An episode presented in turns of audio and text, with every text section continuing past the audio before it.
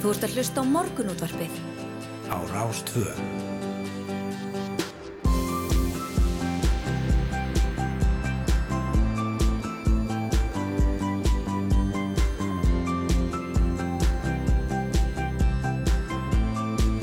Morgunútvarpið Á Rástvö.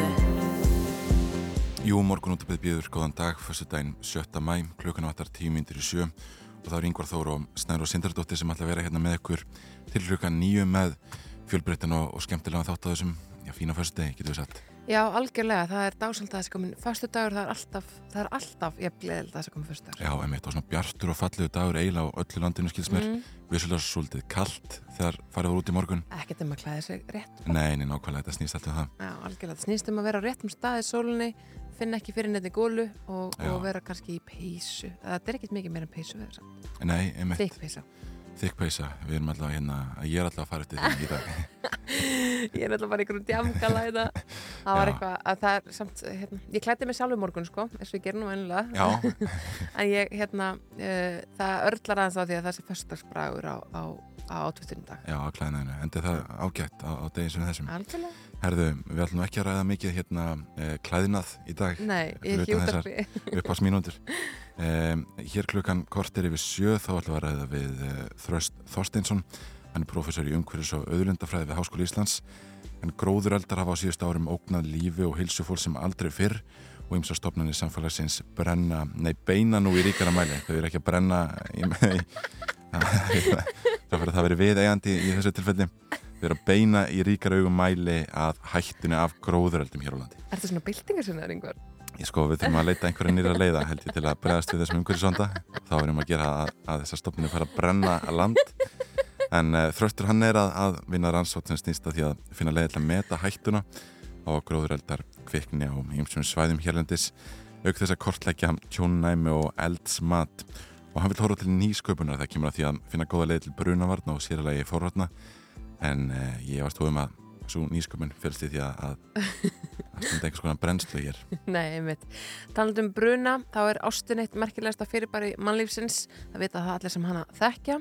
Ástin hans er hins vegar hinnar ymsu byrtingamyndir og einn þeirra er fjölkæra ást. Það er ást á milli fleiri en tveggja einstaklinga.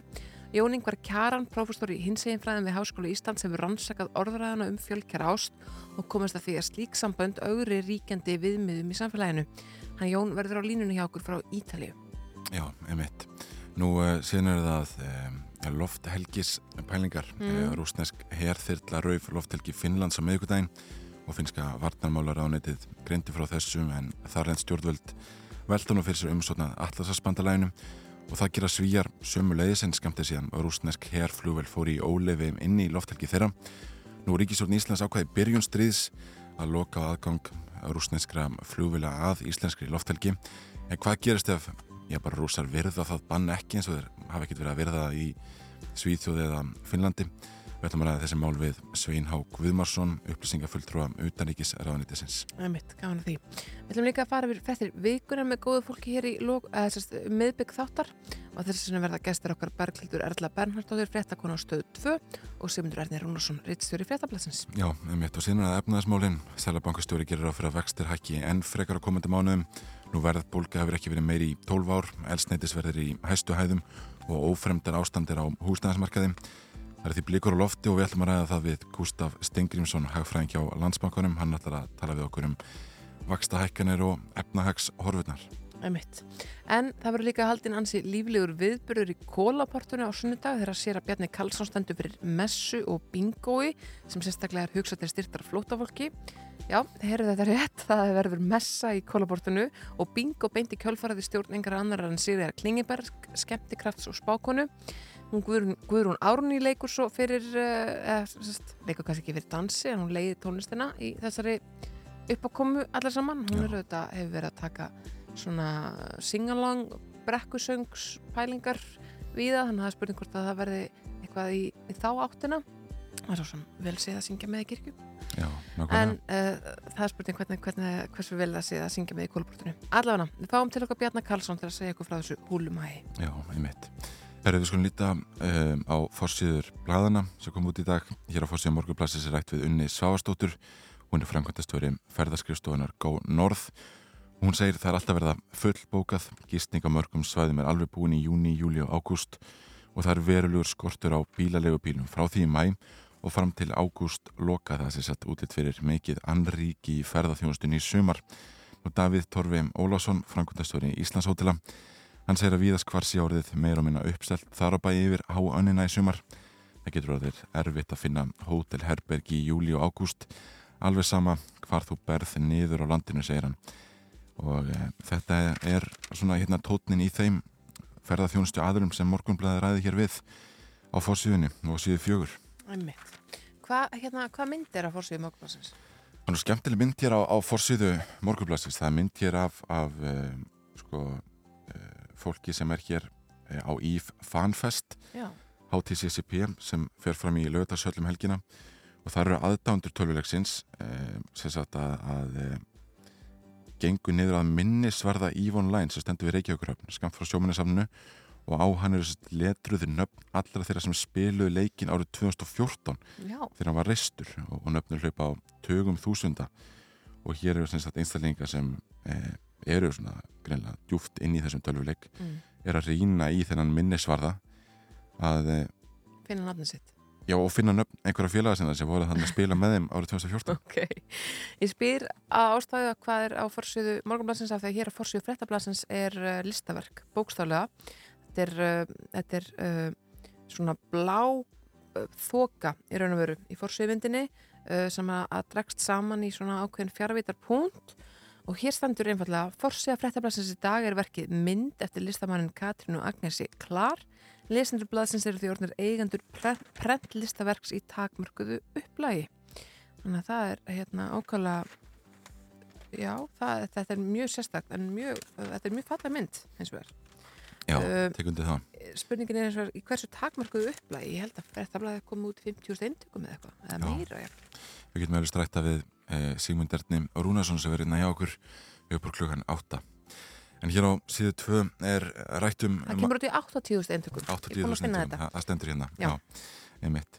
Herði tandið það sem eh, er að gerast í dag, þá eh, er rættum það hér á fórsjöðu, eh, nei á, á síðu tvö í morgunblæðinu segi, aflótumir Selenski fórseti Úkrænum, hann flyttir ávarpa á alþingi dag í gennum fjárfundabúnað og þetta er fyrsta sinn sem Erlendum einstakling er búið að ávarpa alþingi með þessum hætti og hætt fyrir að fylgjast með ávarpinu klukkan 2 í beitni útsendingu í sjónvarpi á VF Alþingis og öðrum VF miðlum og e, þetta er svona einstakur viðbúri getur við sagt ég þetta fyrir skiptið emitt sem erlendur þjóðhauðingi flutur ávarp í Þingsal Alþingis og, og, e, og þetta verður hérna, hann verður nú verið að ávarpa öll helstu þing Európu og, Já, og, í bandaríkanum hann fer við það en það er ekki að segja það að hann sé að flytja sömu ræðina allstaðar, hann, hann einhvern veginn finnur einhverja móla sem eiga sérstaklega við hvert ríki og, og hverja hátíð eins og þú nefnir og eh, reynir svona að, að snýða e, já, ræðuna eftir því hvað hann er að, að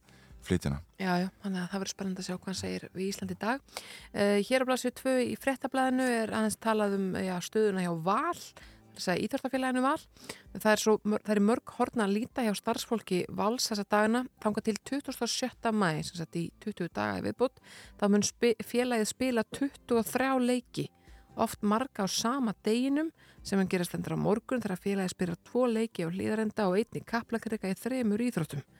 Þetta er hérna ótrúlegt. Það eru valskonur í handbólta sem að byrja uh, sitt úslita einvið gegn Þór Káa uh, og svo á sama tíma spilar mistaraflöku Karla í kaplakrika gegn FH og svo um, já og svo er fyrstileikur vals í úslitum Körbóltarskegg Tindastól, hann er líka sagt, þannig að þetta er bara uh, þetta, já það verður í nósnúast ekki náttúrulega þannig. að líður enda.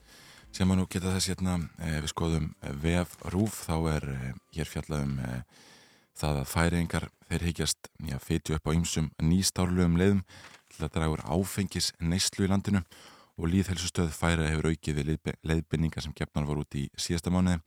Og mesta eftirþægt vekja þær hugmyndir að látið skuli afsölu toll frjáls áfengis í flugstöðinni og færjunni Norrænu. Það eru við Íslendingar þekkjum það vel að kaupa svona verulega inn í flugstöðinni. Emitt. En það er komið að uh, sjöfréttum og svo komum við hér að vörmu spóri með, uh, já, skemmtilega tónlist og skemmtilega vitul. Þú ert að hlusta á morgunútvarpið. Á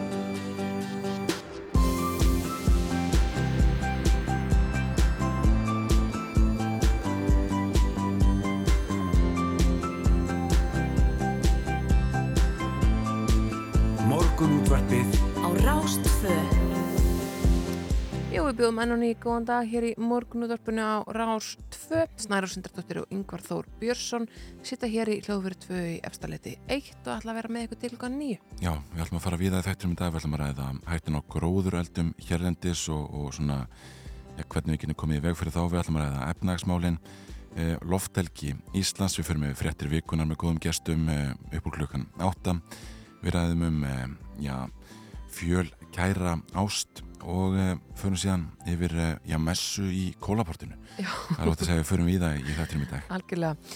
En ef við lítum aðeins til veðurs þá uh, kom fram í máli Sol Solveiga Klöru hér fyrir stundu að það er gul veður, viðvörun í gildi á norðausturlandi, austurlandi og suðausturlandi. En hún fattur á gildi svona, já, kannski rétt fyrir hádegi eða svo um 11 leti þá er allt orðið uh, grátt á ný sem að orðið komast og segir hér í hugleðingum við frængs. Núna í morgunsárið er norðvestan kvassviðrið eða stormur með jéljum, jéljum á norðaustur og austurlandi en hæg breytilega átt og bjartviðri í öðrum landslutum. Er líður á morgunin þá dregur vindi og ofan komið austan til vestan 8 til 13 metrar á sekundu og skúrir eða jél vestanland sem hádegi hiti frá tveimur með norðuströndinu og upp í 10 stig á suðausturlandi. Sko, um, maður horfir hins vegar að kortið hérna svona, kortir yfir 12, eitthvað svo leiðis, þá er hansi bjart um allt, eða sko, já, víðast hvar, uh, nema rétt í árnesinu þar sem er uh, grennandi rigning, en annars staðar er léttskjað eða, eða sko, allavega svona sólar glenna mhm, um, og hægur vindur, þannig að, hérna, já, þegar þessum gulu viðvörunum sleppir þá að minnst eitthvað með kortið á þetta vera bara nokkuð notalegt, sko. já, einmitt Nú ef við lítum hér á, á vegagerðarinnar þá eru já, hálka eða hálkublettir eh, víða á landinu þetta við á Suðvesturlandi, á Vesturlandi, Vestfjörðum, á Norð-Austurlandi og Norðurlandi. Eh, Sumusögur segja á Austurlandi og Suðurlandi hafa hólur myndast víða í vegum og vegfærandi því bennur um að sína aðgátt á meðan unni er að viðhaldi.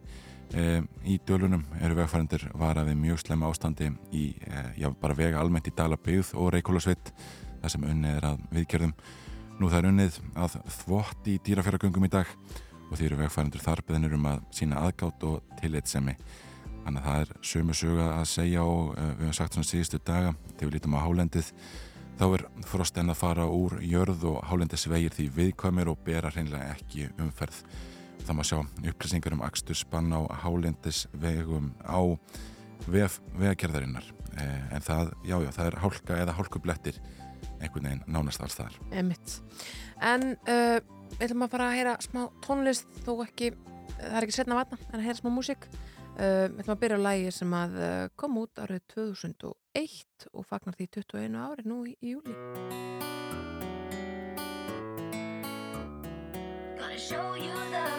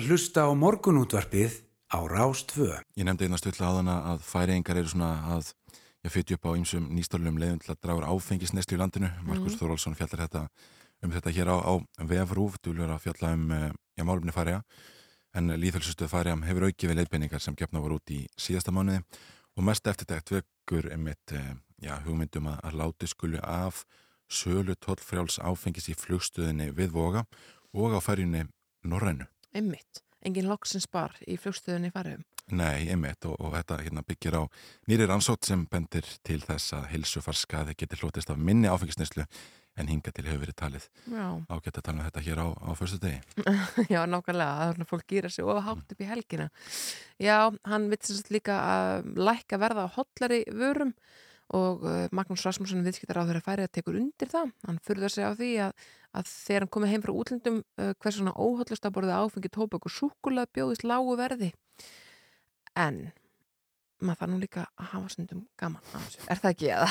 bara, það ætlar að fara að banna súkulaði og selja ávesti í flugstöðinni á tollfrás þá, þá takk ég bara tollin af innanlands líka, mm -hmm. ekki bara í flugstöðinni. Er það ekki? Jú, þetta er, er áhugaveru hugmyndir og, og hérna, sko það eru hérna það er svona ríkis engasala á tópaki í færi uh, og, og hérna uh, og hann svona er að tala um það að breyta eitthvað til. Uh, hann, hann Magnús. Þannig að það er spurning hvernig þetta endar allt. Sko er ekki færi engar annalaði fyrir að vera svona svolítið pjúr þannig að það kemur að víni? Það er bannað að drekka vínu utan dyrra og það er, það er að hafa afskipta að þér að þú drekkur þau sko á götum er það ekki? Eh, nú þekk ég það ekki nákvæmlega en eh, það er alltaf svona verið einmitt hér að hvað þetta enn harðari eftirfylgni við banni ásölu áfengist til fólksa undir lögaldri og, og, og fleira. Eh, já, já. já, þetta er áhugavert og, og hérna áhugavert að sjá hvernig hugmyndir eh, Magnús Rasmussen fara í landstjórnina Algjörlega, sérstaklega þetta sem að, að hérna, færingar eru náteindir dönum með sína stjórnskipan þannig að hérna, það, það er tölvöld frálsræði þar þessum efnum Það er ótt að segja það. Forðulegt, en við ætlum að ræða hér gróðurölda eftir skamma stund og fyrst heyra þetta lag. Þetta er Stay Soft og er með Mitski, þetta er nýtt hér á stöðinni.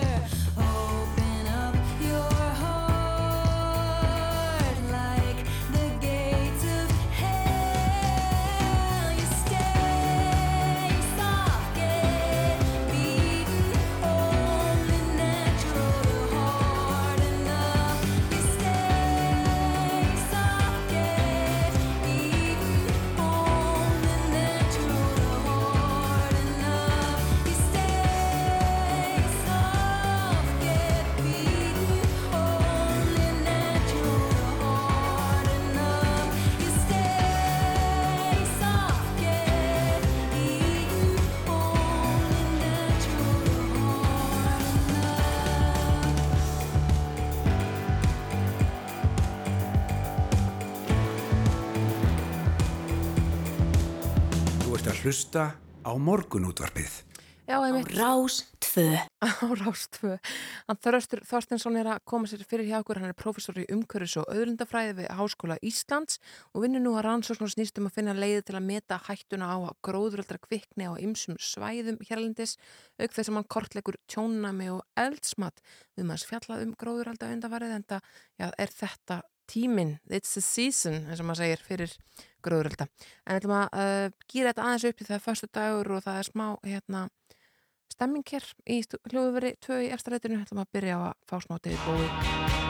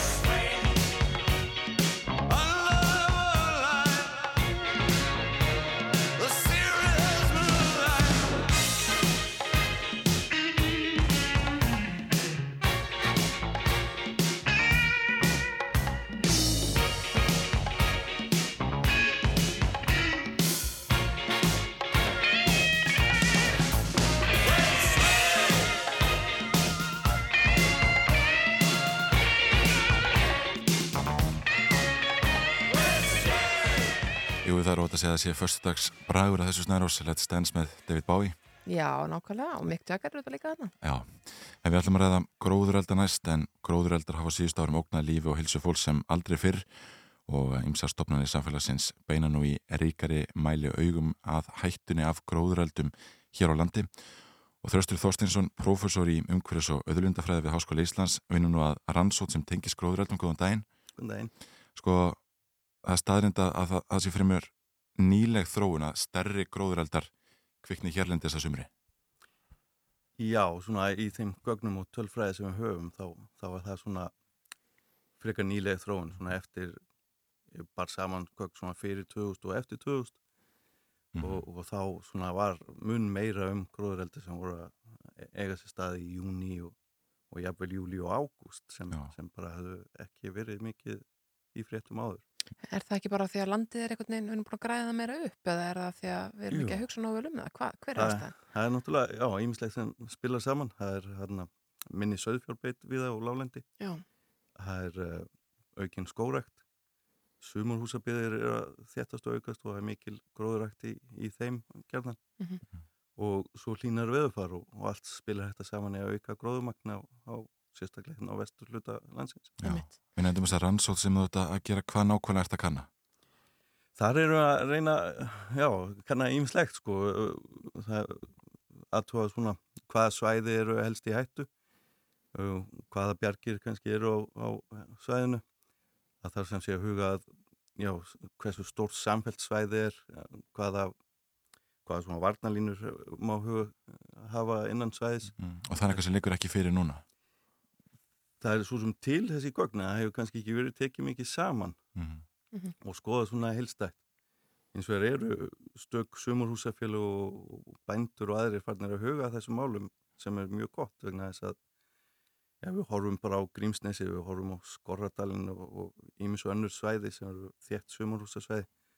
Og um flest komið inn á þessi svæði, þar, þar er ekki mikið af uppbroti í, í gróðurþekjunni. Mm. Þannig að við erum kannski bara með mjóa malarvegi sem, sem hindra þá kannski ekki gróðurelda og aðgengi að vatni er ekki alltaf mjög gott. Um, Sumstaðar er, eru brunahannar, einu svæði sem við fórum á einu sinni, þá var þessi fíni brunahanni en hann var tengdur við eitthvað sem var svona ígildi garðstöngu nánast. Þannig að það hefði ekki dugað til brunavarna. Nei. Þannig að þetta er svona hluti sem þarf að huga miklu betur að og, og reyðja svona svæði í kringum vegi til dæmis þannig að þær, þeir geti virka sem varnalínur þannig að það kemur upp eldur á sé hægt að loka hann inni á, á litlu svæði og hann breyðist ekki út yfir, yfir risa stort svæði. Einmitt. Sko það vilja, auðvitað enginn að sumabúrstæðurinn sinn fyrri upp. Nei, nei. Hva, sko þessar varnaninu segir að malarvegir mjóir, þeir dugi ekki til. Hvað, hvað þarf til til þess að, að það sé hægt að mitt afmarka svona gróðureiti þannig að það breyðist ekki út allsherjar uh, gróðureldur? Það er ímislegt sko, já oft þarf þá bara aðeins að breyka svæði þess að er gróðu laust í kringum Bara, veginn til bara dæmis. setja möl í. Já, eða bara að reyðja burt trjágróðri og hafa, hafa lítinn gróður Mm. á, á aðeins breyðara belti heldur en þessi mjói vegir. Mhm. Annað vandamál er náttúrulega bara burða geta þessari vega oft er, er ekki mikil eða þurfa að koma vast tankabílar inn til slökkustarfa og, og svo er líka þessi botlangar sem er mjög algengir í eldri sumhúsabíðum. Ef við hugsaum um flóttaleir, ef kemur upp eldur þá er mikill reykur, allir er að reyna að komast í burtu og það er bara einn mjór vegur og bara ein átt sem hún kemst, Mm. þá er auðvitað að ímynd sér að það stíplist fljótt. Já, já. Og það er oft staðan. að Það, er einn því miður malarvegur. mjög oft staðan og, og, og svona, já, þarf Já. að huga að því víða. Þetta nefnir hérna í samtali við Háskóli Íslands að, horfa þurfi til nýsköpunar að finna góða leið til brunavarna og nefnir til að mynda að það var jafnvel æskilegt að halda ákveðnum beltum rökum. Já, við náttúrulega búum ágætlega með vatn hér á Íslandi almennt, svona þurkar svona yfirleitt því það ekki að, að grunnvastæðan sé orðið mjög lág og annað. Þannig að, að maður sé nú fyrir sér að það væri hægt að, að útbúa kerfi sem, sem duður hreinlega bara að vöka við spelti. Þannig að sama hugmynd, svona hólfaskipting að þú getur haft þá belti sem, sem ekki kviknar auðvöldlega í og eldur en best ekki auðvöldlega yfir og, og getið þannig sem sé hluta niður svæðin og, og búið til svona vissar varnalínur á þann hátt. Mm. En þetta er svona, ég veit að í Skorradal hafi gert einhverja tilraunir með eitthvað svo leys. Um, það er ekki alveg stöðuna núna. Og er það bara það úðari sem er í gangi allar Já, það er sjálfur sér bara úðaru Já, þegar ég hef þurft að þá, þá passar bara að sé ákveði belti sem er vel, vel vökvað Mhm. og gróðin þá græt nú ekki þurr og þá, þá strax er komin aðeins meiri mótstað. Mm. En er þetta fjarlæga sinu eða fjarlæga, sko, snýst þetta líka um að fjarlæga döðargreinar og kjarr og ymslegt sem að einhvern veginn er orðið þurft? Það getur gert það. Í, í, í ungum skóum þá getur sem sé botgróð þotnað auðvitað þegar þegar skólan er ekki orðin það stóra hann skikir og, og í eldri skóum er minna um botgróður og svo leið Já, þannig að, að sumstaðar þarf að huga því vissulega Já, og auðvitað í sumum visskerfum ekki, ekki endilega hér á Íslandi en sumstaðar í- út í heimi er gerir gróðurinn bara ráð fyrir gróðureldum sem, sem fara til dæla hrætt yfir og er ekki mjög stórir já, og vissar plöntur bara býða eftir því til þess að frjókast já, já, einmitt. Sko, í þessar rannsóð þetta að svona meta hættin á gróðureldar kvikni á, á ákveðnum svæðum. Ef við horfum aðeins til framtíðar, er einhver svæð á Íslandi sem er ekki hættin núna, sem líklegt er að, að færist á einhvers konar hættustig? Svona, já, stórt séð þá er það náttúrulega sumarhúsasvæðin sem, sem þeirsti að hafa á græða þegar við bara eins og síðast sumar í heiðmörk og, og aðri slíki bruna sína bara að á, á, á svona svæðum geta komið upp eldar og erum farin að fá nokkuð oft bara hlýþur tímabili á sumrin. Og ef það kviknar eldur þá, þá er getur hann breyðst út sem sé ef, ef, hann nærað kraumasóldi og, og breyðst út þannig að, að þau svæði eru svona kannski það sem þyrfti helst að huga að að passa upp á varnalínur sumurhúsi eigundur ættu að huga að því að riðja frá bústað svona einn og hálfan metra eða svo allan trjágróður mm. og setja bara möll Já, eða allavega að hafa bara láreist gras eða Mhm. eitthvað svo leys, ekki, Mhm. ekki mikið eldsmatt Mhm. og, og ég vil vökva í kring sem sé ég myndi hér þurft úr leys að, að vökva í kringum húsið sitt Já, þá, þá nærðu svona aðeins að draga úr hættunni Einmitt. Mhm. Takk kærlega fyrir komuna í morgunútarpið uh, Þröstur Þorstinsson, professor í umhverfis og auðlindafræði við Háskóla Íslands Við komum ekki, komst ekki lengra að þessu sinni Nei, við ætlum að ræða efnaðasmálinn hér eftir frétta yfirlit klukkan hálf átta.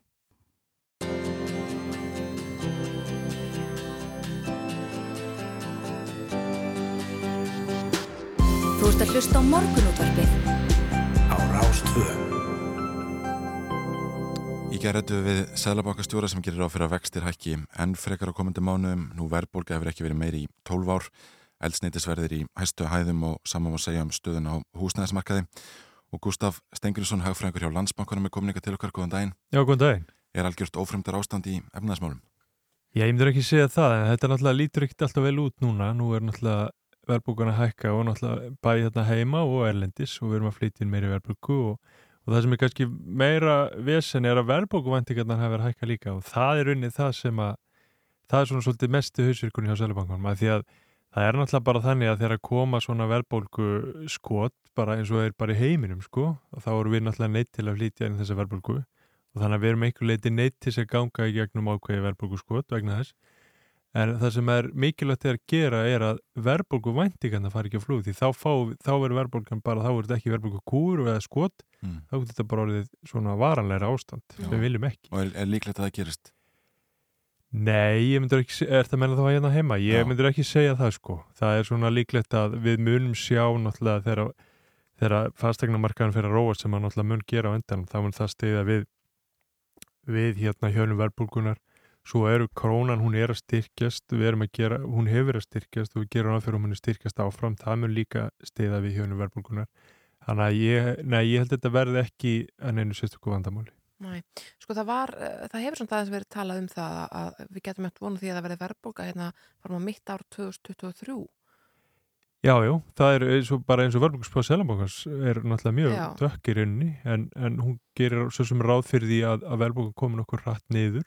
Verði verðbúkan svolítið mikið verðbúkan núna þessu ári en hún komið svolítið rætt niður og, og svona 2024 þá verður hún komið svona nálægt í sem að viljum hafa hana sko, Eftir hverju erum við að býða í þeim efnum? Hvað er það sem að mun keirna rætt niður? En Bara það er einhver- á Það er einhver leiti bara þessar verðhækana því að uh, þú færð einhverja verðhækun að því að við erum alltaf að horfa þegar við erum að tala um verðbúlgu þá erum við alltaf að tala um verðhækun á 12 mánuða grundvelli Já, Þannig að og svo eftir 13 mánuði þá er svo verðhækkunarinn farin út úr þessari 12 mánuða mælingu sem við erum alltaf að horfa á.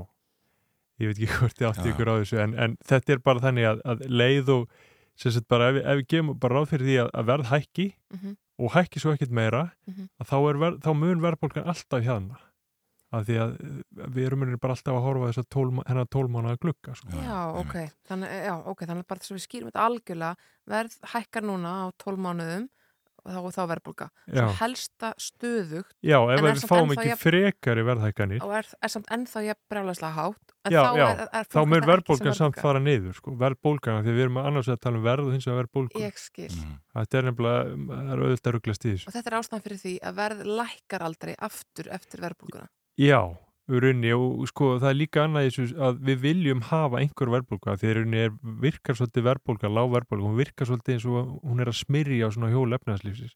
Það þú vilt ekki hafa háa verðbólgu af því að í rauninni er verðbólgan þannig að sko þegar hún er lág að þá er vola auðvilt að eiga við hana Mhm. og þá, er, þá getur við sko gefa okkur að kaupandur launa sig að vaks og slíkt en þegar hún verður há þá er hún ófyrirsjónleiri og ef hún verður ófyrirsjónleiri að þá veit fólk ekkit hvernig kaupmáttur með þróast í framtíðin ef að verðbólgan er farin að mælast í 20% þá veist þú ekkit hvort að raunlaun eða launin þín í, á föstu verðlega er að segja rau- þín raunlaun, hvað þú getur kift fyrir launin Mhm. og veist ekkit hvort að þau eru að fara að lækka um 10% eða hækka um 10% á Mhm, næsta ári. einmitt.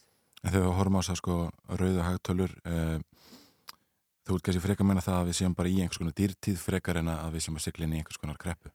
Já, allavega hvað Ísland varðar. Að það er náttúrulega víða er sko bara eins og í bandaríkjunum en að bandaríkjunum er mjög háðir enganislu sem því það að, enganislu er svolítið drifkraftur í hagavist í bandaríkjana og ef að verðbólgan er að vaksa að þá dregur úr kaupmætti þannig að það dregur úr enganislu þannig þannig að líkur á kreppi í bandaríkjum hafa aukist mjög mikið og í Evrópu er náttúrulega staðan alltaf verið, búin að vera erfið lengi það ég hef bara ríkt stöðunum þannig í mörg ár en við á Íslandi við erum í allt annari stöðu ef að við erum að ef að allt gengur samkvæmt bara fle, spám flestra og, og, og sérst, bara alþjóða ferðalög er að vaksa og, og við erum að fara að fá fjölgum ferðamanna þá erum við bara að fara að sjá bara mikið efnaðasuppgang á Íslandi bæð á þessu ári og á næstu árum Mm. þannig að við erum bara í allt annari stöðu við erum bara að þetta er bara alltaf gangaurinu mjög vel hjá okkur sko. Mm. En, það, en á það við bara um allt samfélagi því að sko þessar stýrivæsta hækkanir náttúrulega henda afar illa fyrir venjulegt fólk. Já, já, það er koma náttúrulega niður og sérstaklega fólk sem er með breytilega vexti, það fyrir náttúrulega strax fyrir þessu, breytilega óvertriða vexti Já.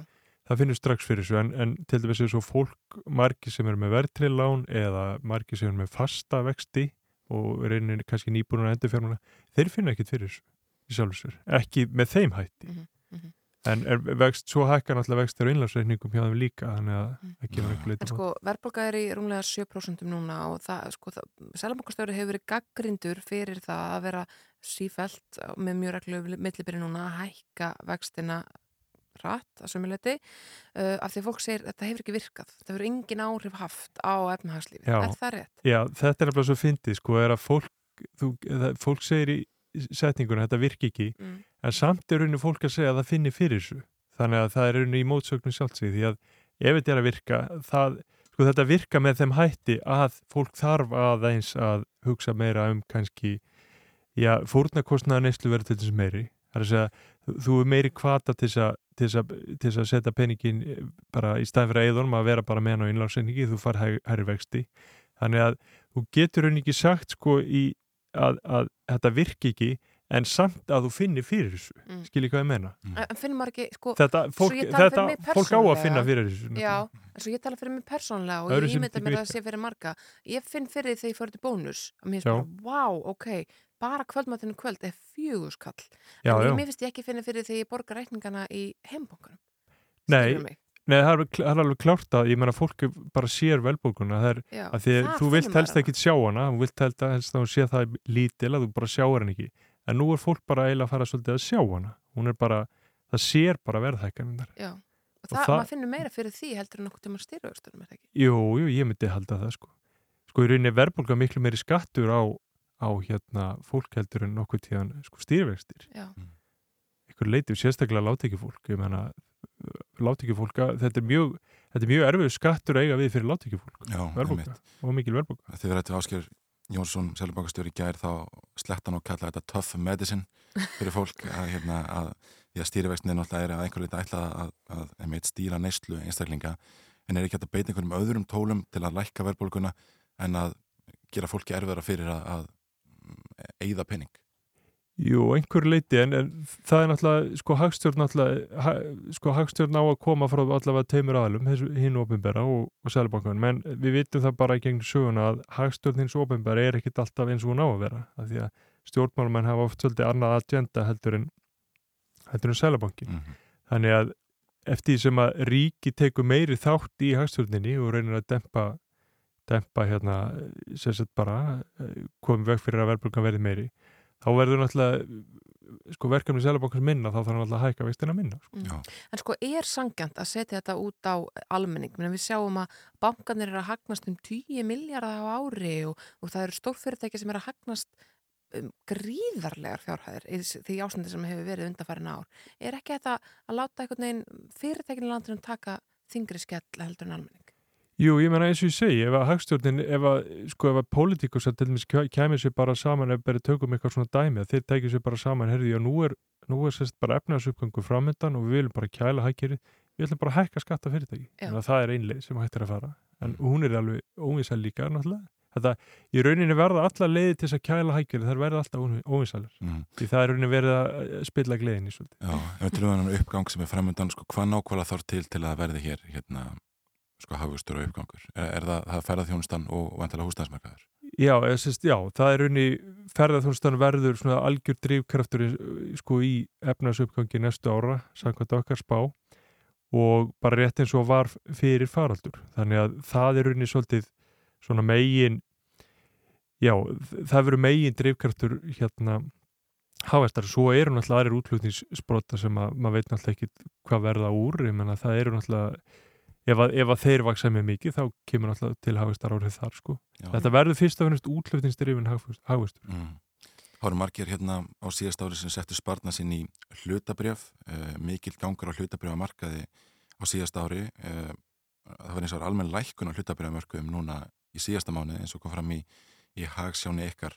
Uh, heldur að það verið þróun sem haldi áfram að, hérna, að þessi hlutabrjöfamarkaður róist?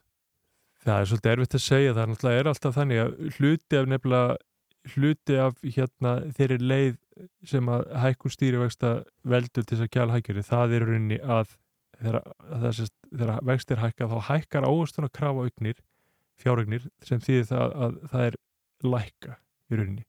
Þannig að einhverju leiti munu frekari stýrivexta hækkanir, bara við sjáum þetta líka bara í bandaríkunum, að það er munu einhverju leiti hafa áhrif á eignaverð til það er með talið hlutabrjöf það er voða erfitt að spá fyrir um hvað, hvað mun gerast á hlutabrjöfmarka á næstunni. Já, það verður forðanlega að fylgjast með þessu. Gústaf Stengursson, hagfræðingur á Landsbankarum, takk kærlega fyrir komuna í morgunúttarpið. Takk svo mjög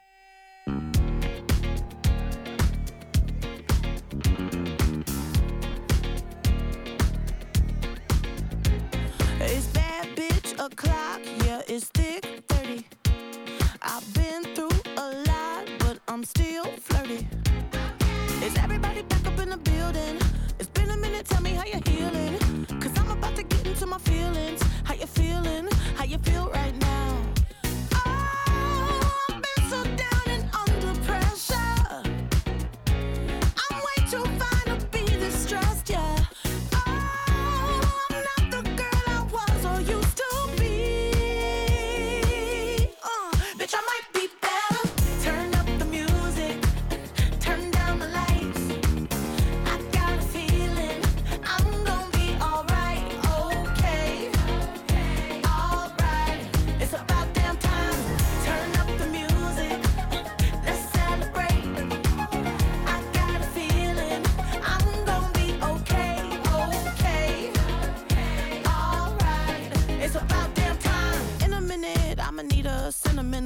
Or woman to pump me up. Feeling fussy, walking in my Balenciennes, trying to bring out the fabulous. Cause I give a fuck way, way too much. I'ma need like two shots in my cup. Wanna get up, wanna get down. Mm, that's how I feel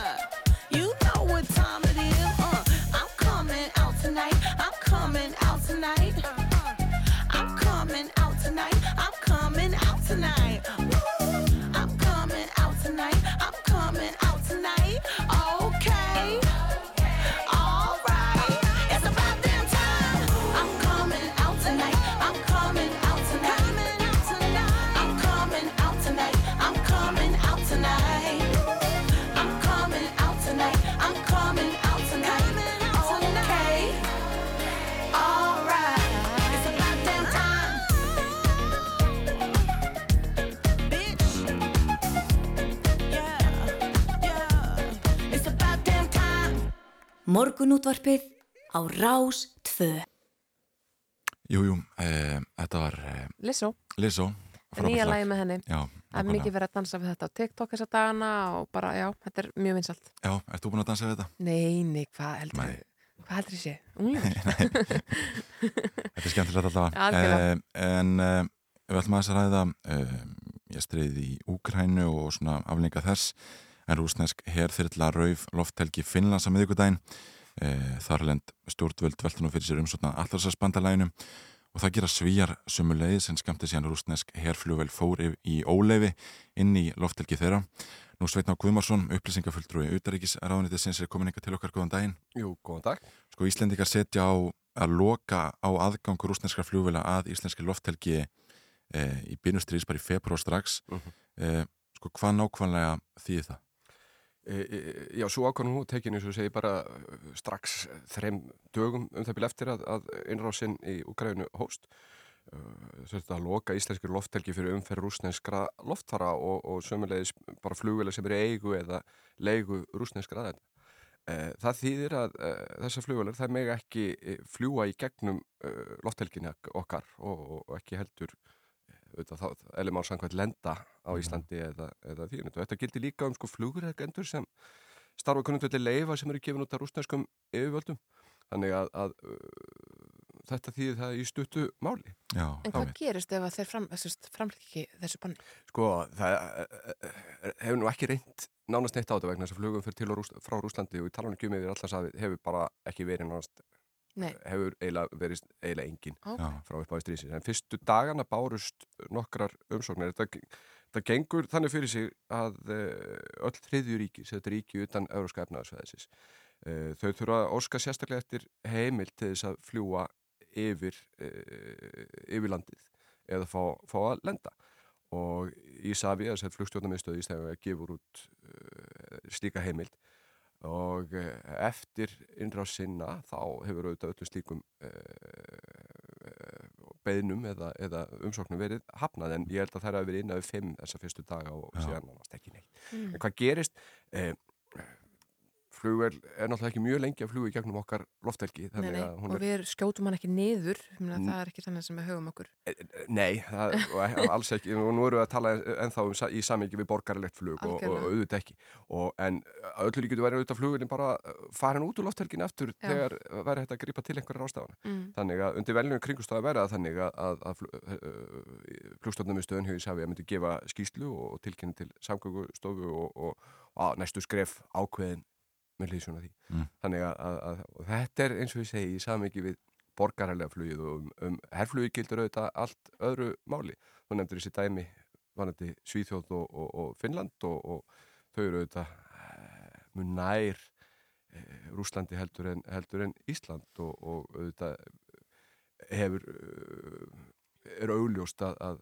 þessar æfingar rúsneska hersins að fljúa inn í loftelgina standa í einhverju samengi við þær bólarreikingar stjórnvalda í þessu ríkjum að, Mm. að, að sækjum aðild að allarsbandalega. Mm. Þetta er svona hótanir svolítið þar ekki satt? Já, ég held að megi tólka vissulega þannig að, að þetta er brot í rauninni á, á, á því sem er kallað einsku territorial integrity á svona friðhelgi landamæra og, og hún er ekki engöngu yfir yfir e, þessi fysisku landamæra landi heldur líka e, lofthelgina Mhm. og landhelgina það er sem sagt e, hvað Ísland var að þegar við erum Eiríki e, nær 12 sjómílur út frá svona fyrirfram gegnum grunnlínu punktum fer ekki inn í, setja inn í fyrði og flóa annað þýrlíkt og auðvitað eins og við þekkjum með þessar eigjar að þær eh, stækka bæði lögsu og, og, og, og þannig að þetta er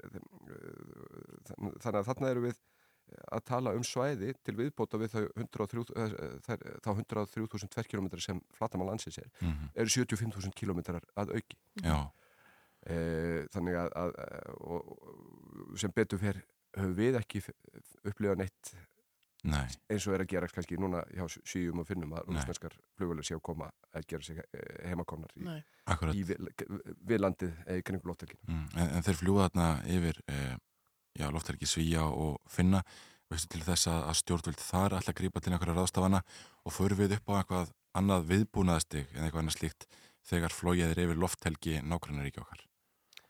E, Ég þekki ekki til hvað viðbúnaðar svíjar og finnar grípa út af þessu og, og, og, og mundi held ég eftir láta yfirvöldum í þeim ríkjum að tjá sig um það en viðbúnaðar á Íslandi er, er bara eins og verið hefur. Uh, hér er lotterimis eftirlit allarsvarsbandalagsins alla daga. Það er, sem sagt, eru ratsjóstöðar ringin í kringur landi sem fylgjast með loft loftrimis eftirlit svæði Íslands er næri yfir stórhauta Norður Allarsafs Mhm. og, uh, og af og til, þrjusor ári her, eru hér í nokkra vikur uh, flugsveitir bandalagsríkja sem sinna loftrimis gæslu Allarsafsbandalagsins og núna er uh, flugsveit frá Ítalju stödd hér á landi með, með fjórar orðstúður og sinnir sagt, eftirliti og gæslu í loftriminu Mhm. í uh, kringum Ísland og, á, á, og þetta er ekki eingöngu hugsað til þess að gæta loftrimis Íslands heldur alls bandalagsins. Sko, hvernig, bara svona sögulega segja, hvernig stendur því að við erum uh, með svona stóra lofthelgi? Við erum til til að stóra lofthelgi, er það ekki með við Já, önnur ríki í raun og sko, lofthelgin er í rauninni uh, ekkert frábærið lofthelgi annar ríkja. Hún er, hún er bara 12 sjálfmjör, sjálfmjör út fyrir landið. Já. Hins vegar er, er, er, já, það, og svo er það, það er flugstjórnarsvæðið íslenska og það tegir sig yfir mjög stóran hluta norður allarsafið og það er uh, sko nær alveg frá uh, sko tegir sig yfir lögs og, og, og, og loftelgi annar ríkja til dæmis og, landa Af hverju er þetta? Þegar núna eru við raun og veru bara svolítið litli leikmenn í þessum svona einhverjum eftirlitsiðnaði. Ég þekki þá sög ekki nákvæmlega, þetta er, þetta er svona flugumferða stjórnarleg uh, spurning Já, en, uh, en uh, ég get ímyndum að það sé bara praktiskum ástæðum að, Mm. að, að Ísland er mjög vel staðsett í miðið allarsafinu Mm. og, og þess vegna vel í sveit sett hvað var að koma fyrir ratsjám öðru sem ná Mhm. yfir stórluta svæði sem er haf og það er ekkit, uh, ekkit einfalt málendilega að, að hafa yfir sín yfir svo stort svæði Nei. en jú, þetta er eitt, eitt stærsta uh, svona flugstjórnarsvæði allavega á, á, á, í okkar heimsluta og uh, þannig að, að, að þetta er eins og við segjum, fer yfir, yfir svæði annara landa land og loft ekki þeirra. Einmitt. Og það verður með hérna frá utaríkisraðanitinu þá verður nú aðeins að ræða eh, komu, ekki komu, ávarp Selenskís, hann flyttir ávarp á alþingi í dag í gennum fjárfundabúnað eh, hverjum að búast við á, á, eh, á þessum fundi og í þessu ávarpi? Íslenska þingið, alþingi er auðvitað ekki fyrsta þjóðþingi sem hann ávarpar síðan innráðsinn hófst. Og hann hefur til dæmis uh, flutt ræður fyrir þjóðþingu Norrlanda, Bandaríkjana, Breitlands og Kanada og fleiri ríkja. E, þar auðvitað er innrás Rúslands í Ukraínu umfjöldunarefnið og, og, og ekki kannski síður e, svo stöðningur og viðbröð alþjóðarsamfélagsins. Hann hefur ímist lofað slíka stöðning en ekki síður hvart ríki heimstíðis að gera meira mm. og ég vona á að, að, að það verði stefin í hans ræði. Hvað kemur til að, sest, hvernig kemur það til að hann flytur þetta ávarpi? Höfum við samband og óskum eftir því eða hvernig fer það fram? Eh, Íslensk stjórnvöld hafa frá upphafi innráðsennarnar átti mjög uh, virku, virku samskiptu við, við stjórnvöld í Úkrænu Mm. og meðal hans þá í gegnum uh, úkrænska sendirað sem hefur fyrir svargakvært Íslandi og er í, er í Helsingi og, og uh, strax á fyrstu dögum innráðsennar var úkrænski sendiherran hér á Íslandi og, og fór meðal hans í fjölmjölutul. Þannig að, að þetta er uh, niðurstaða samtala og, og, og, og samskipta við, við stjórnvöld í Úkrænu og það, þar hefur verið tekið eftir framlega Íslands og, það má eftir búast við því að, að Selenski koma inn á það í sinni ræðum. Sveitn Hákumarsson, upplýsingafulltrúi utan ekki sándins, það er kærlega fyrir komuna í morgunundarpið. Við fyrir að skipta yfir á áttafrettir og fyrir svo yfir frettir vikunar með þeim Bergildi Erlu Bernhardsdóttur frettakonu af stöð 2 og sigmundi Erni Rúnarsinni, rittstjóra frettablasins. Þú ert að hlusta á morgunundarpið á Rást 2.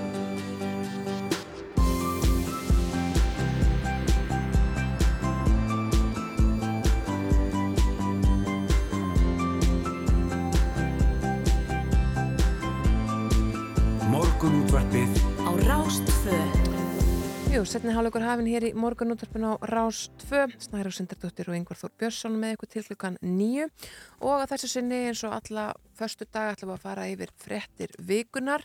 Við erum komin hinga til okkar Berghildur Erla Bernhardsdóttir frettakon á stöð 2 og Sigmundur Ernir Rúnarsson reittstjóri frettablasins, verði hjartana velkomin. Takk.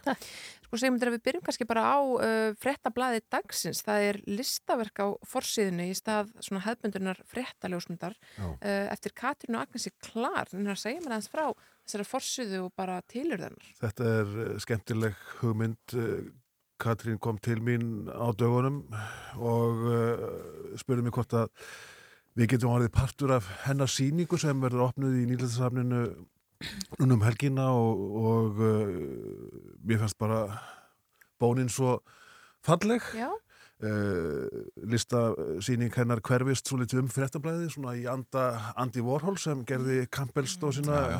heimsfræg á sínum tíma og fréttablaði er náttúrulega svona hverstagslugur hluti af tilveru fólks á hverjum degi og, og, og listakonan nýti sér það í síningunni og uh, jafnframt verður blað dagsins partur af síningunni og verður í stæðum á gólfinu á síningunni og, og ég bara gat ekki annað heldur en sagt já við þessa góðu listakonu sem kom til mín og, og bað með um þetta og, og, og, og verkið blasir við okkur í dag. Já, þetta, þetta er einu prentlistaverk í, í takmörkuð upplægi, Já. ekki þess að 80.000 endur. En myndum okkur að því sem að bara hæst í, í uh, vikunni, Bergildur Erla, Erla, það er auðvitað vika í sveitarstundakostningar, hvernig finnst þér staðan, hvernig lít út? Já, það er svona virðist vera loksins að komast allavega á, á dagskrá fjölmila, sveitarstjórnarkostningarnar og maður finnur það að, að það er svona umræðu þættur og, og, og frambjóðundur að, að komast að. Og það sem að mér finnst kannski sæta tíðindum er þetta slæka fylgi sjálfstæðisflokksins í, í borginni og, og hvernig þeir svona ætla að, að hva, hvernig þeir ætla að gera þetta núna að loka sprettinum. Því að þetta, flokkurinn mun býða afhróð verði eh, já, síðasta könnu sem var gerð á, á gengi flokksins og flokkana í, í borginni var síndi það, þannig að það verður spennandi að sjá hva, hvað þau ætla að gera núna síðustu daga. Svo út á landi er náttúrulega sveitastjórnarkvastningarnar og það sem það er kannski svolítið öðruvís ofta í sveitafélagum út á landi, þær er eins og að frambjóðandi séu meiri vinir, sko, þó þau séu ólíkum flokkum, þeir eru svona berjast fyrir svipuðum málum í, í sínum eh, sveitafjölugum, það er til dæmis eins og samgöngumálin í Vestmanneum og það eru íþróttamál rosalega framalega og svo framvegis, en, en það er allavega, eh, ég býst við það núna næstu daga, þá verður þetta, og vona að þetta verður meira ábyrrandi. Já, hvað segir þú Sigmundur, framsvöndaflokkurinn að bæta verulega við þessi fylgi, kynnta þú ekki stefnu sína fyrir, fyrir tveimur dögum, Mhm. eh, hvernig heldur þetta fari? Ég held þetta fari svona í anda þeirra skoðanakannar sem, sem blasa við og, og þær skoðanakannar sem hafa komið fram stiðja hver aðra. Það er út af sig merkilegt að sjálfstæðarflokkurinn sé að uh, gælda svo mikið afhróð í Reykjavík, hafandi verið í stjórnaranstöðu bísna lengi. Mm. með sömu flokkana í meiruluta jafn lengi. Uh, þannig að það út af fyrir sig eru stæstu tíðindin í sveitastundarkostningunum til þessa, við möttum að sjá hvernig fer í Hafnafyrði, það er bísna mikil spenna en uh, ég tek sérstaklega eftir því að uh, flokkarnir uh, hringin í kringu landið og ekki síst á höfuborgarsæðinu eru að berjast fyrir sömu málefnum. Mm. Það er afskapla lítill uh, greinarmönur á barðumálum þessara flokka. Þeir eru að berjast fyrir betri samgöngum, uh, betri og fleiri leikskólum, grænum svæðum, hjólaleiðum og svo frammeins. Þannig að ég sem almennu kjósandi gerir mér ekki alveg grein fyrir því hver munurinn er á milli flokka. Mm. Það finnast mér að vera svona eina, eina stærstu tíðindin í sveitarstjórnar kostningunum af þessu sinni að eh, flokkarnir eru sammála Já.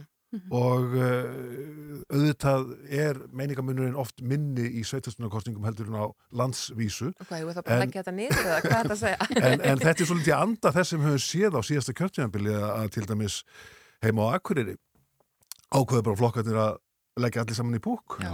og vinna saman. Og þetta er kannski komandi andi í sveitarstjórnarkostningum að menn vinni meira saman heldur en sundur og það er að finna góða. Einmitt nýr flokkur í Reykjanesbæ sem heitir umbútaflokkurinn sem segist vera bara algjörlega ópólitískur fyrst og fremst vera að vinna fyrir íbúa. Þannig að það er kannski svona svolítið þetta er í Mhm. þessa átt einhvern veginn að það eru svona sömu málin og við þurfum að vinna þessu saman. Það er ótt að segja að svona stóra fréttinni sem sveitarstofnamálum hafa verið uh, já, í kringum 8. sjálfstæðsflokksins í Reykjavík. Mhm. Á þriðu dag þá sagði uh, vísir frá því að Hildur hefði ekki mætt á borgarstofnafund síðan í februar. Hún hefði nánast ekkert mætt á fundi skóla og frísundasviðs sömu leiðis og hún svaraði til hún hefði verið í kostningabartu. Hvernig strauk, já, hvernig strauka þessi tíðindi ykkur? Uh, sko það er náttúrulega spurning í fyrsta lagi hvernig hefur þetta verið uh, og maður þarf eiginlega að hafa samabyrðin en auðvitað vilja kjósendur að kjörni fulltrúar séu að mæta í vinnuna sína bara eins og við hinn og, og að það sé þá, það hlýtur að vera einhvern veginn þannig hjá borginni eða í öðrum sveitastjórnum að það sé hægt gert ráð fyrir einhverju rými fyrir kostningar að fólk geti nýtt tíma þá. Mér held þetta hafi strókið fólki svolítið illa en, en hins vegar bara til þess að gæta sengirni þá vantaði svolítið samaburð við aðra flokka og hvernig þetta hefur verið. Þetta er auðvitað brot á sveitarstjórnarlögum. Uh, sveitarstjórnar fulltrúum ber að mæta á fundi uh, nema þeir hafi mjög gilda ástæða fyrir því og mér finnst uh, ástæðan ekki gildi í tilviki Hildar Björnsdóttur frá því í februar kostningabartum var ekki hafin í februar hún var ekki hafin í mars, hún var valla hafin í april og hafa hún byrjað einhver tíma þá er það núna á allra síðustu dögum þetta er henni til vansa og uh, Íslendingar eru vinnisamir og vilja mæta til vinnu Mm. og átaki mætum til vinnu er kannski hafið núna á samt hjóla átakinu. Haldið þið að þetta mun komið til með að hafa enn frekari áhrif á fylgið eða er fylgið Já, komið? ég held sko að Íslendingar uh, þeir eru upptöknir af atriðum eins og þessum Já. og uh, þegar að fyrir þeim blasir sko vannræksla á vinnuskyldu þá kippa Íslendingar sér upp við það. Já.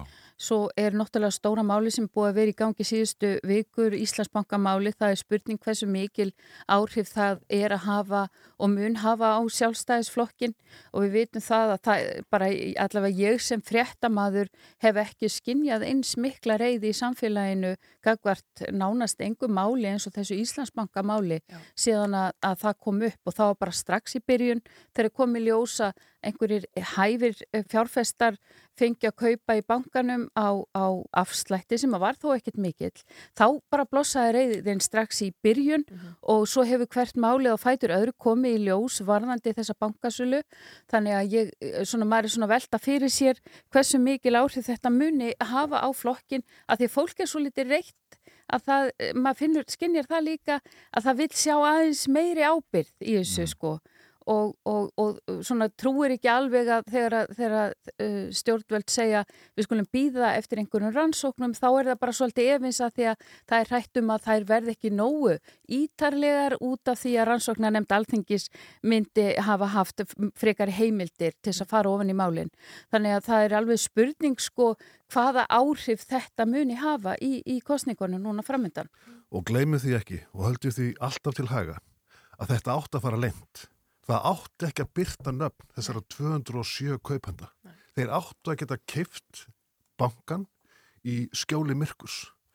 Það var í rauninni að ég held krafa Katrín Jakobsdóttur á endanum sem gerði það verkum að nöfnin voru byrt og hugsið ykkur. Þetta átti að fara lengt. Við búum í samfélagi árið 2022 þar sem sala á þjóðaregn átti að fara lengt. Þetta er samfélagi sem við búum í.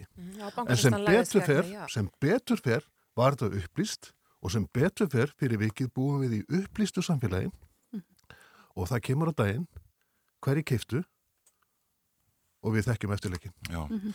Það er líka sko uh, það að, það að uh, sína þennan lista að uh, ég heyrði einmitt þetta hjá fórsættis á þeirra að, að hún hefði barist fyrir því að þetta yrði byrt en ég held líka sko uh, það er svo margt sem kemur í ljós uh, Fyrir með, í óþökk megin aflana í samfélaginu. Já, Í já. óþökk megin aflana í Já, samfélaginu. já. En, en, en þarna, sko, þegar fólk sér hverjir er á þessum lista, að það eru til dæmis sölu ráðgjafarnir sem er að kaupa og í þeim uh, sölu ráðgjafa fyrirtækin sem að stóðu að útbáðinu og voru að fá allt í allt 700 miljónir uh, króna fyrir, að ég hugsa að þessir aðilar hefðu aldrei keift í þessu útbóði hefðu þeir vitað að, að listin yrði byrtur. Nákvæmlega. Þannig að í, í, í næsta skipti sem þetta verið gert, þá, þá væntalega verður gert, sko verður, kemur það fram áður en útbóðið er að, að slíkur listi yrði byrtur. En ég held að hafi skipt mjög miklu máli. Og við sáum það bara að umræðan um þetta bankasölu mál fer að í alvöru ekki af stað fyrir en að listin kemur fram. Og þá, þá bara höfum við þetta gagsægi og, og ég held að í þessu máli þá er svo margt sem, að, sem við sjáum eh, eh, sem er að í samfélaginu einhvern veginn sem að kemur fram. Þetta er svona, þú veist, einhver lindarhyggja, það er einhver eh, örfá prósent í þjóðunni sem verðast komast frekar að hinnu svo kvöldu kjötköllum heldur en, heldur en að almenningur. Það er svona alls konar hluti sem að mér finnst þetta mál sína sem að kannski virðist vera að í, svo mörgum öðrum málum. Og þetta mál er að hafa mikil áhrif á sveitastundu kostningarnar. Já, þú heldur það. Ég held Já. það. Já, sko, þú talaði um reyði fólksins hérna áðan, Mhm. hvað var þetta mál? Eh, Við vorum hérna áðan að við Gustaf Stengursson, eh, hagfræðing landsbankan sem stýrivaksta hækkanir, Mhm. þannig tölum við reyði sem tengist tímálu líka. Þú skrifaði leiðara í gær, sem myndur Mhm. það sem þú kallaðir Sælabankastjóra klæðilítinn keisara. Já. Hvað áttu við? Já, það við að eh, almenningur er gjörsanlega varnalega skagvart þessari stýrivexta hækkun. Almenningur hugsar um uh, sinn búskap á hverjum degi, hvað hann hefur á milli handana og hann er gjörsamlega varnalega skagvart þessari aðgerð sem er innflutt. Uh, þenslan í dag stafar af utanakomandi aðstæðum sem almenningur í landinu hefur enga uh, getur e- enga veginn varist. Það er stríð í Evrópu, það er búið að vera heimsvaraldur í tvö ár, við sjáum að bensínverð til dæmis er í hæstu hæðum og það eru ymsir utanakomandi þættir sem íta undir verðbólgu og aðra þenslu í landinu.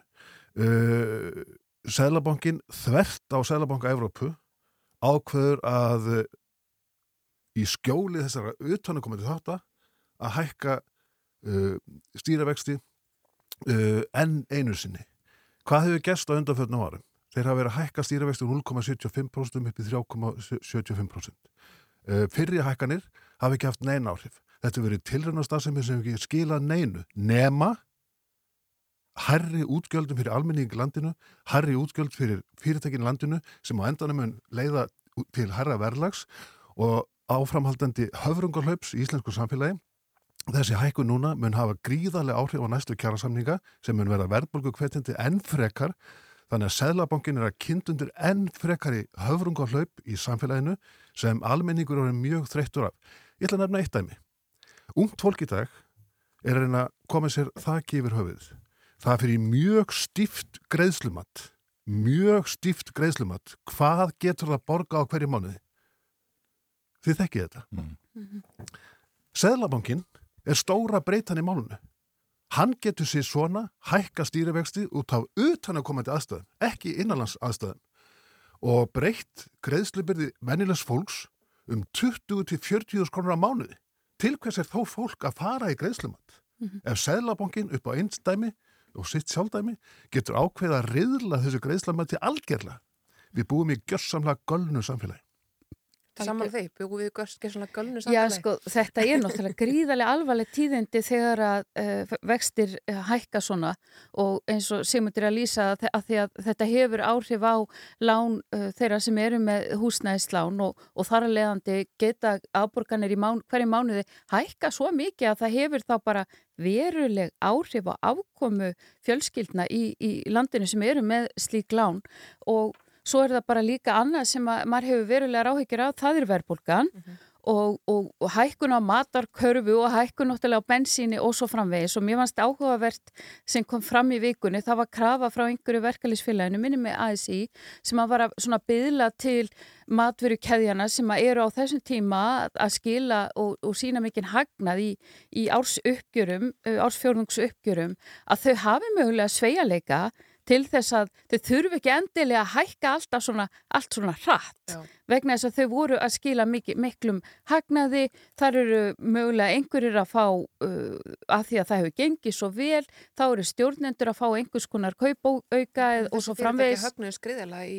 Já, og þá, þá náttúrulega spyr, spyr fólk, byrju, er þá ekki bara fyrir báru aðeins að, að draga úr hækkunum núna, það er alltaf þessi gríðarlega sko, áhersla á hagnað og aftur hagnað en við, við, erum, við erum svo lítil þjóð að maður velti fyrir sig hver er samfélagslega ábyrðin og, og, og, og slíkt í, í því ástandi sem að, sem að blasi við núna. og Sælabankin á að ganga undan með góða fordæmi og styðja við fólk og fyrirtæki á erfiðum tíma þegar við erum að koma út úr heimsvaraldri það ríkir Evrópustríð og það er engin ástæða til að hella ólí á eldin akkurat núna. Þetta er einmitt ólíja á eldin og fyrri vakstahækkanir hafa ekki sínt neitt árangur og þessi mun ekki sína neitt árangur.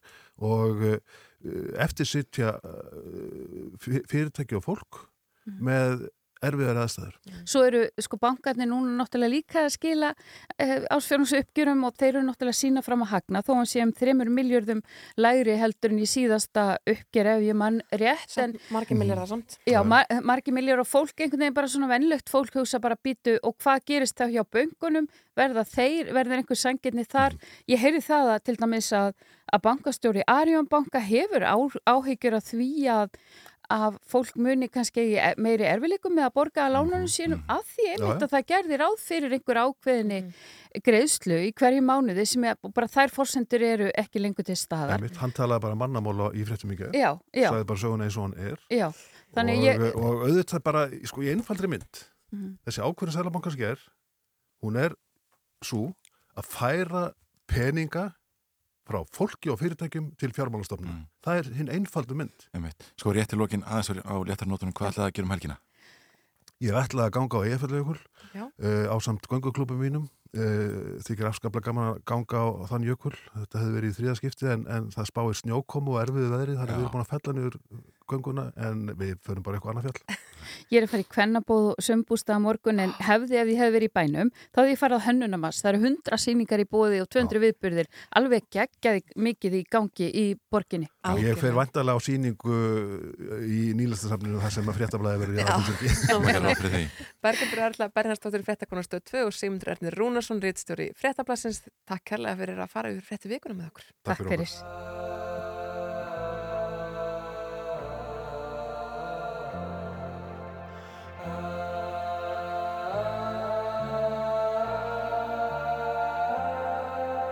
See the path in the sky.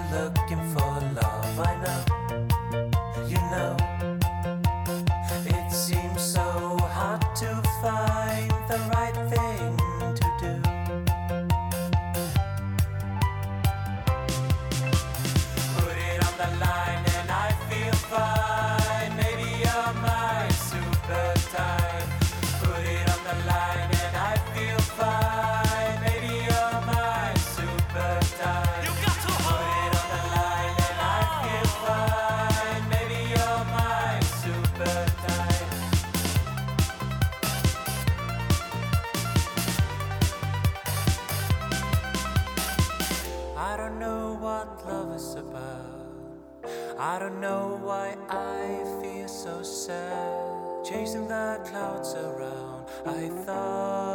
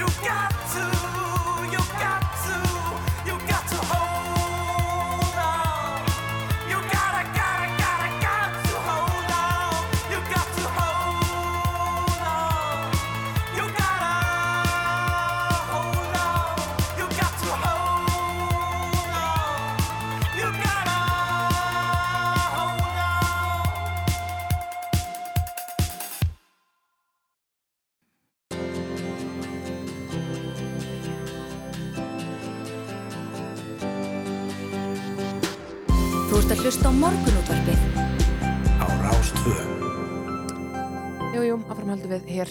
Ástin er eitt merkilegasta fyrirbæri mannleifsins, það vita auðvitað allir sem að hana þekkja. Ástin ásar hins vegar hennar ímsu byrtingamindir og einn þeirra er fjölkær ást, það er að segja ást á milli fleiri en tveggja einstaklinga. Hann er komin á línu hjá okkur, Jón Ingvar Kjaran, prófessor í hinsiðinfræðin við Háskóla Íslands, talar frá Ítalíu. Góðan daginn, Jón. Já, góðan daginn. Þú hefur, ykkur. þú hefur, ert að gera rannsókn á orðræðinu í kringum fjölkæra ást, ekki satt? Jú, það, það stemmir. Við hérna, erum í, í svona smá félagskap saman við nokkru fræðimenn sem við kall- köllum ástar rannsóknarfélagi og e, minn svona hluti er svolítið að, að- skoða fjölkæra ást og við erum svona við erum að, að byrja svona rannsóknar, rannsóknarvinnu á, á því fyrirbæri á, á Íslandi. Þetta hefur nú verið rannsakatalsert erlendis en, en, en, en hér heima á, á Íslandi vandar eh, rannsóknir á, á, á fyrirbærinu, sem sagt fjölkjær ást og, og sem sagt bara upplifanir þeirra einstaklinga sem, sem eru í þess áttu sambandi.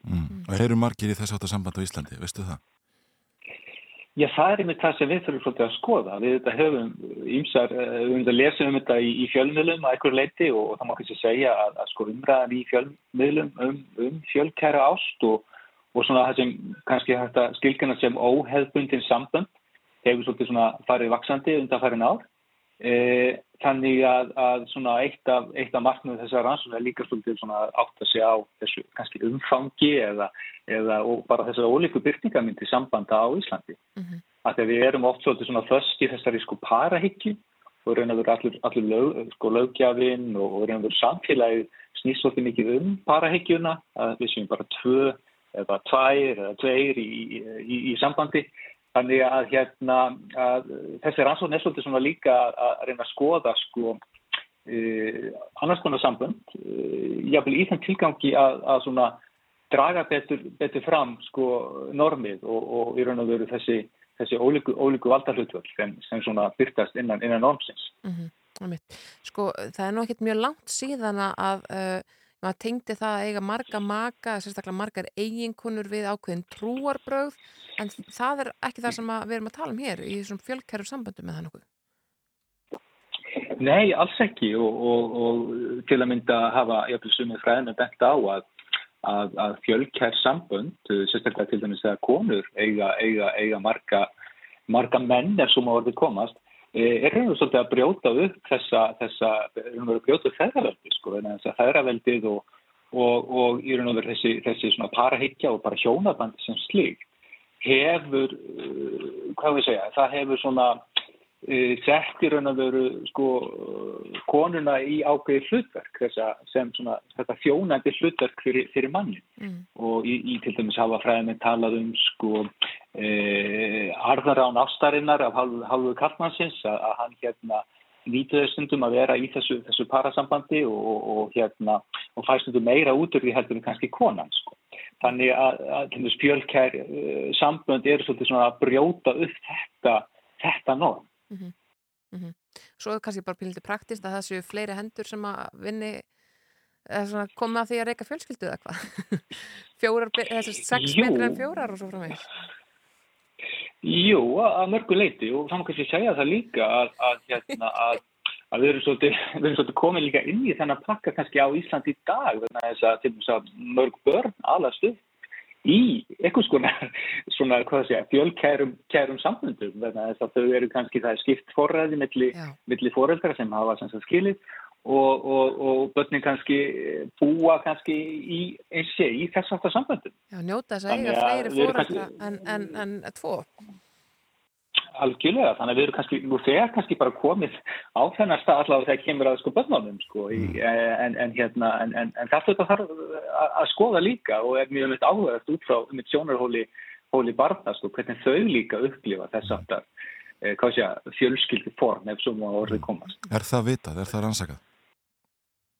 Sko þetta hefur verið ykkur rannsaka erlendis og, og, og, og eins og ég nú var kannski bara leggja líka áherslu á í mínu fyrirlestri að, að flesta rannsóknir, mjög marga rannsóknir erlendis e, segja að, að sko sambandsform foreldra skiptir engum máli. Það sem skiptir máli er þetta bara umhyggja og bara kærleikur í garbarnana og þau fái svona gott og gott gott, gott, hérna, gott, eh, eigi gott heimili og búi við svona, já, ást og, og frið ef svona orðið komast. Þannig að, að sambandsformið sem slíkt skiptir ekki máli, sko.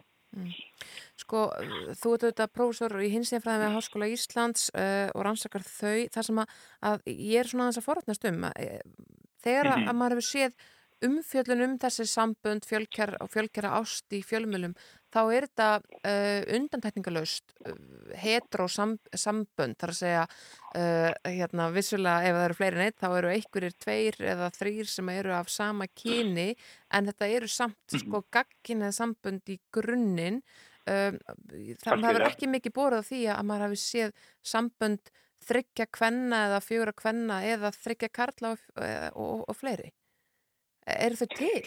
Nei, já, já, algjörlega, sko, og það er kannski vegna þess auðvitað að, að umfjöllinin auðvitað eins og eh, er oft mjög svona, gagginheitt í, í fjölmiðlum og bara í samfélaginu, þannig að, að, að það verður svona ráðandi og, og við fáum kannski freka byrtingamindi þess heldur en kannski annar hópa. Eh, en, en, en að þú myndist um þetta á með orðið hinsegin og þá þetta, er ég svolítið líka að skoða þetta svolítið út frá þessum hinsegin sko glerugum en þess að, að hinsegin sko sjónarmið er svolítið líka að, að reyna að skoða hvernig við í raun og veru uh, uh, búin til ákveðna til dæmis bara staðalmyndir og hvernig við svona sem samfélag í gegnum orðræðuna uh, búin til ákveðna flokkanir og slík sko.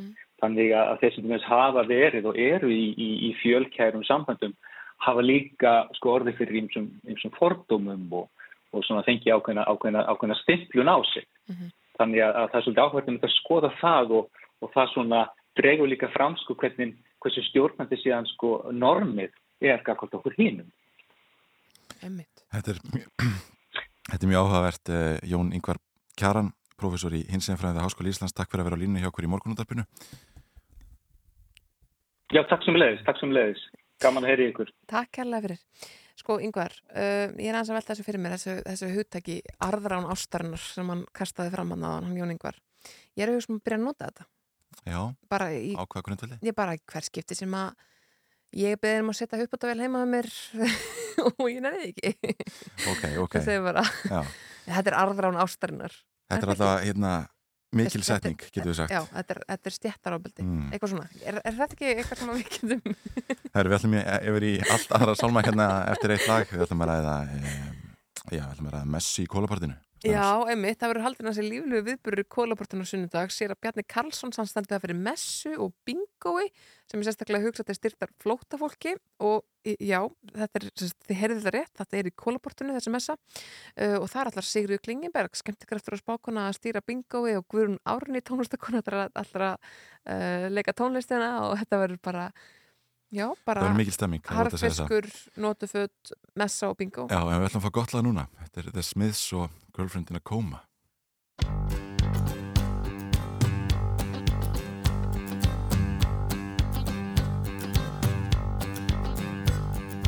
Girlfriend in a coma, I know, I know, it's serious. Girlfriend in a coma, really serious.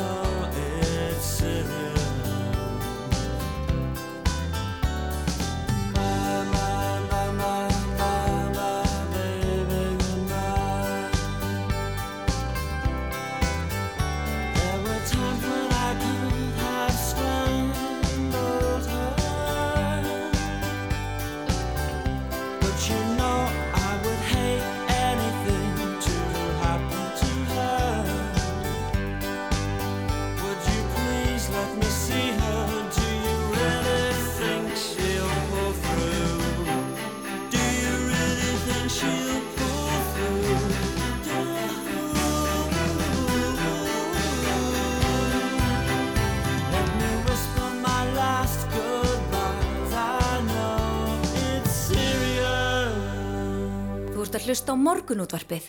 Á Rástvö. Jú, eins og nefndum hérna áðan þá verður haldin að sé líflegur viðbrur í kólaportinu á sundag þegar sér að Bjarni Karlsson stendur fyrir messu og bingói sem sérstaklega er hugsað til styrtar flótafólki og Bjarni Karlsson er komin ykkar til okkar, góðan daginn. Já, góðan daginn og takk fyrir að bjóða mér að koma. Ja, til dælu óhefbundið að halda messu í kólaportinu. Sko, uh, það er nú bara staðrend að uh, síðastliðin 20 ár leggja ekki meira á ykkur, sko.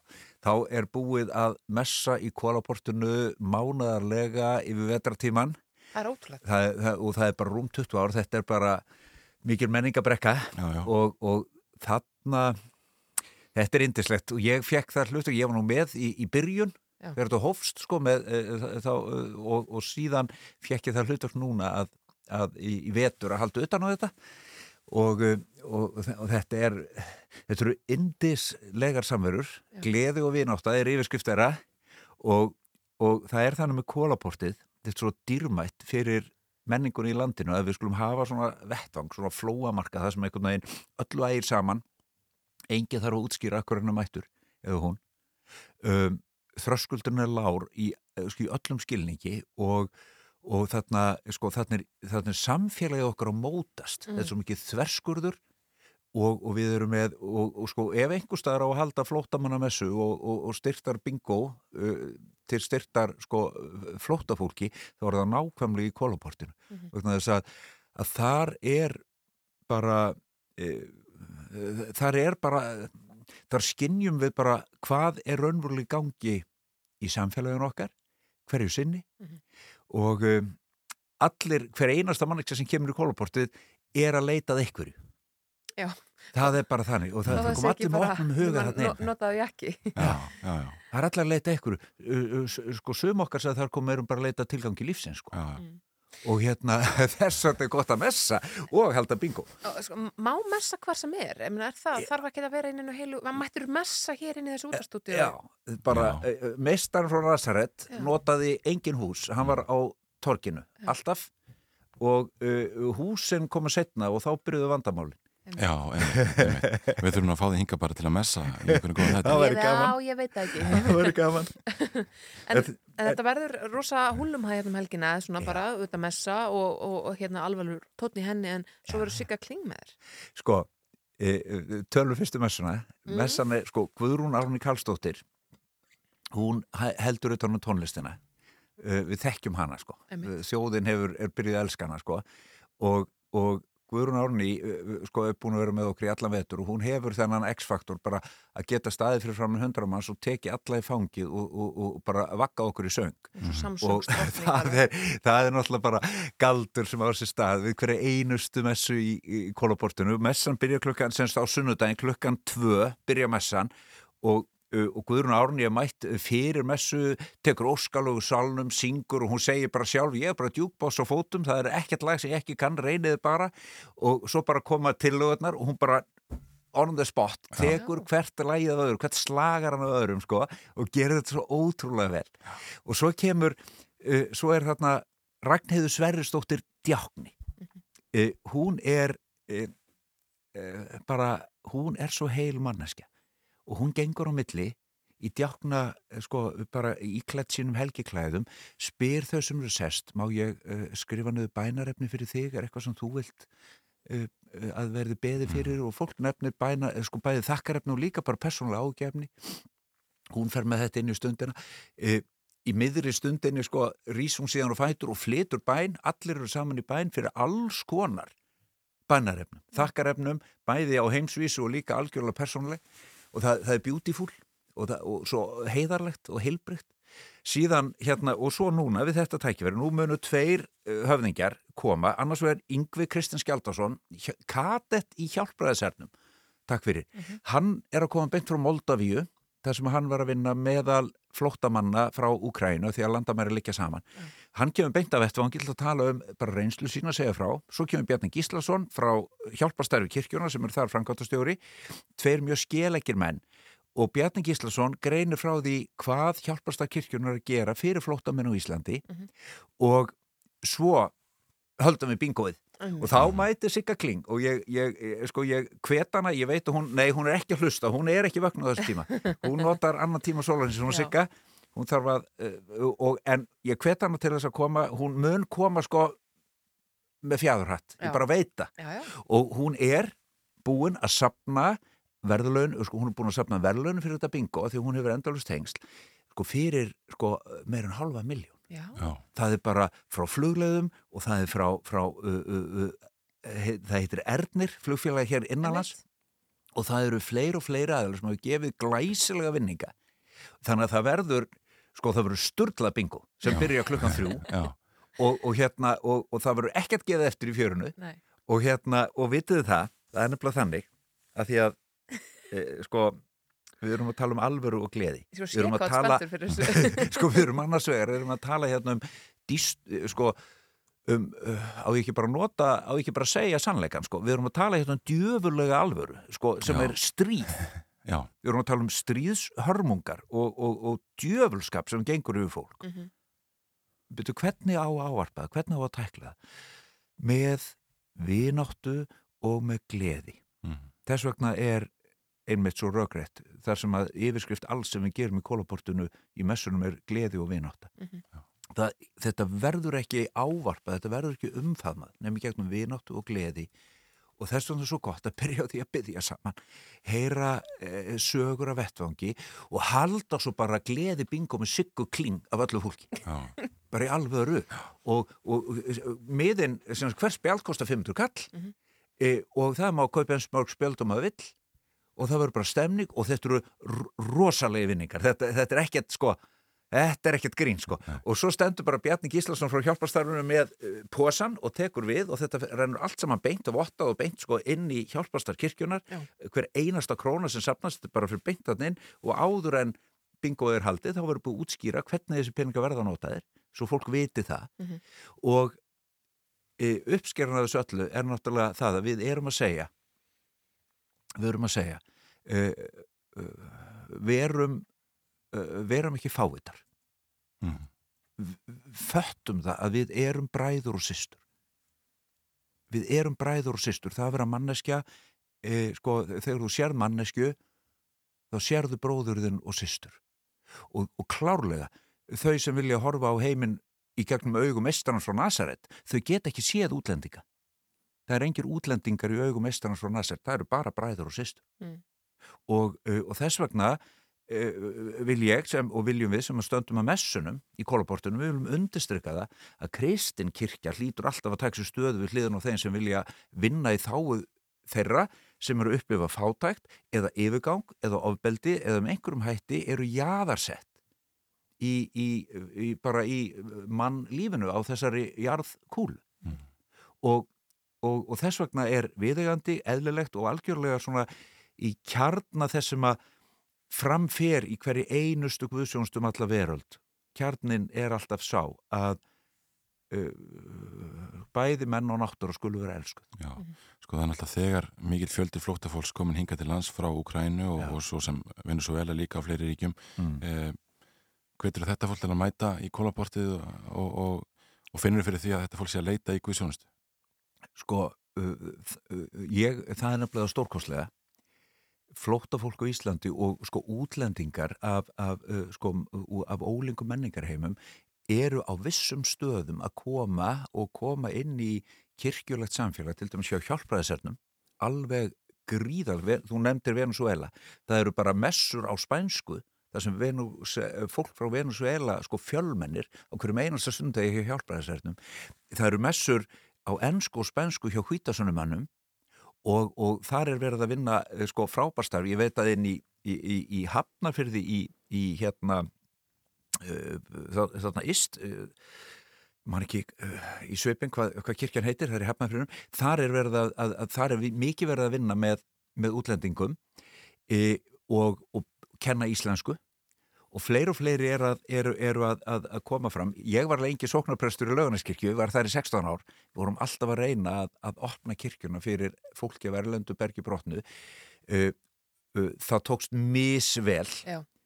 svo var það einu svona stór bruni uh, og, og lagði reiki yfir allan allan, hérna, alla sæbrautina og, og við buðum bara í, í, í hátægismat, allan sem að þurfti að flýja húsin sín Mhm.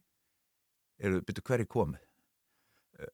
Allt saman útlendingar, hinn er áttu frændur og frængur en útlendingarnir kom í hrönnum og þá stóði þetta átt að með, heyrðu, ok, við erum ekki að ná til útlendingarnar. sko. Þannig að þarna viljum við bæta okkur Mhm. e, og, og kólaportið er vettvangur, þar sem við ætlum að leggja okkur, og, og þetta, er, þetta er allavega viðleitn okkar hálfu e, e, e, að, að leggja okkur fram um það að vera hluti af lausninni en ekki vandanum mjög dreymur um það að geta haldið kólbórsmessur bæði á ensku, íslensku og spænsku og, og, og geta sko verið með fjöl menningarlega guðstjónustu það væri, væri stórkoslegt ég er komin í Akureyrar kirkjundaginn var þar að kveldi haldið eitthvað erindi. Heyrðu, í næsta herbergi, hvað haldið það verið að gerast?